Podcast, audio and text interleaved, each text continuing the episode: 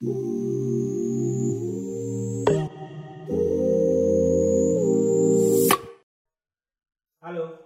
jumpa lagi di Geo Water Channel Kami hari ini akan mendiskusikan tentang battle antara sekolah luar negeri versus sekolah dalam negeri. Video kali ini kita bahas persamaan-persamaan sekolah di luar negeri dan sekolah di, di dalam negeri untuk sekolah program doktoral. Mari kita bahas satu persatu. Yang pertama, persamaannya.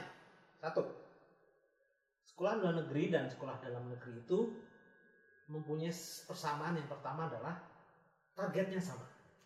Jadi kalau target di sekolah luar negeri sama dalam negeri sama, yaitu harus eh, S3-nya atau doktoral itu harus mempublikasikan sebuah jurnal internasional.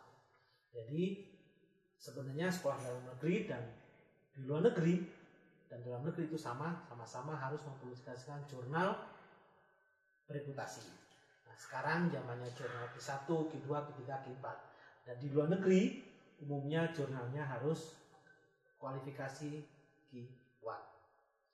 Di dalam negeri pun beberapa profesornya menginginkan jurnal Q1. Jadi secara prinsip sekolah negeri dan luar negeri, luar negeri luar negeri adalah sama. Harus sama-sama publikasi jurnal internasional. Kedua, persamaannya adalah sekolah luar negeri dan sekolah dalam negeri adalah sama-sama riset mandiri. S3 sama riset mandiri. Jadi uh, prinsip sekolah doktoral adalah uh, mandiri. Jadi apa arti mandiri ini? Ya kita menentukan uh, risetnya, temanya, kemudian melakukan aktivitas risetnya dari mulai ambil datanya, analisis datanya, analisis laboratorium dilakukan dengan secara mandiri. Jadi baik di luar negeri maupun dalam negeri sama, sama-sama riset mandiri. Tiga, jadi persamaannya yang ketiga adalah eh, saya nyebutnya sebagai tergantung ketergantungan sama profesornya tinggi. Jadi atau main supervisor tinggi. Jadi bukan ketergantungan ya, bagaimana kita belong tuh profesornya tinggi. Jadi sama, di Indonesia maupun di luar negeri yang saya alami di Jepang itu uh, bagaimana uh, profesor kita sebagai mensu profesor itu benar-benar uh, mempengaruhi kinerja dan kelulusan kita. Jadi nah, seperti itu. Di Indonesia maupun di Jepang sama. Profesor base-nya itu sama. Keempat, evaluasinya sama. Jadi proses evaluasinya baik di dalam negeri maupun di luar negeri itu sama. Jadi melalui proses uh, evaluasi yang hampir sama. Jadi melakukan sebuah progress report. Jadi setiap uh, tahapan itu harus kita melakukan sebuah progress report, baik satu maupun dua. Hanya bedanya jumlahnya aja.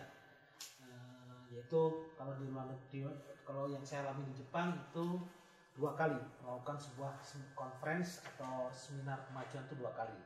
Sedangkan di ITB saya juga mengalaminya itu empat kali. Jadi proses evaluasinya bisa dikatakan sama. Yang kelima adalah stay di kampus.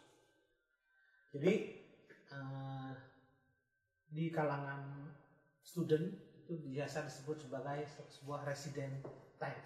Jadi seorang mahasiswa itu S3 terutama itu mempunyai waktu resident time atau waktu tinggal di kampus yang waktunya cukup signifikan. Eh, terutama di kampus gitu, terutama di luar negeri itu resident time sangat diperhatikan. Jadi seseorang itu bahkan punya ruangan, punya meja sendiri, itu juga uh, tidak dikontrol secara detail sih sama profesornya, cuma waktu tinggal di kampusnya uh, itu signifikan sehingga profesor sambil manggil kita waktu-waktu itu hadir. Itu pun terjadi di Indonesia. Di Indonesia terutama di ITB nah itu resident time juga diperhitungkan. Jadi tidak bisa hilang-hilang saja sebagai student. Terus yang kedua juga di ITB, khususnya di ITB itu juga setiap mahasiswa doktor disediakan satu ruangan atau satu meja desk. Nah, di Jepang pun juga satu desk. Jadi itu adalah kelima persamaan sekolah di luar negeri dan di dalam negeri. Baiklah, uh, di battle kali ini adalah uh, persamaan dan perbedaan sekolah S3 di luar negeri dan dalam negeri. Kenapa saya sharingkan ini? Karena saya pribadi mengalami sekolah S3 di dua tempat. Satu di dalam negeri yaitu di ITB, yang kedua di luar negeri itu di Universitas Kuala Jepang. Jadi saya mendapatkan sertifikat atau gelar dari dua universitas dalam waktu kurang lebih lima tahun.